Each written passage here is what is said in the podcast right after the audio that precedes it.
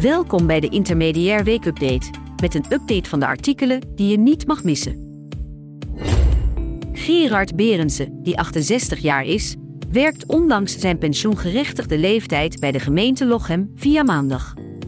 Om ouderen zoals Gerard aan het werk te houden, heeft maandag de Comeback Crew opgericht.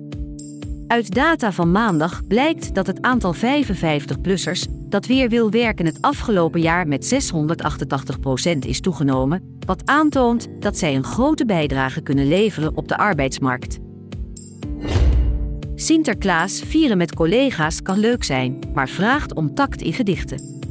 Etikettendeskundigen adviseren om rekening te houden met collegialiteit en humor.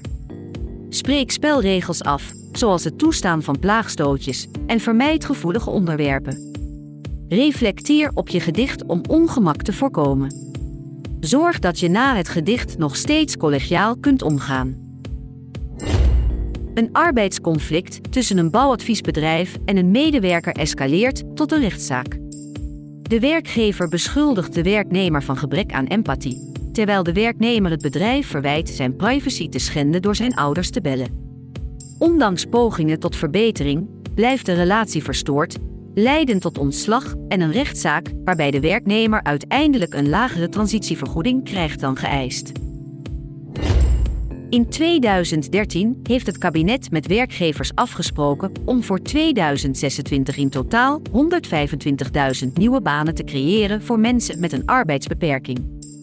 Eind 2020 waren er 81.117 nieuwe banen gecreëerd, wat achterloopt op de doelstelling van 92.500 nieuwe banen op dat moment.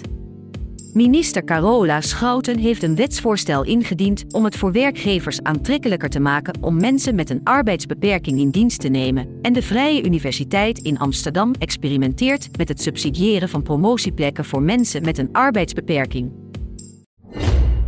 Thuiswerken is niet haalbaar voor iedereen. Daarom zijn er tips om de dagelijkse reis naar het werk efficiënter en minder stressvol te maken.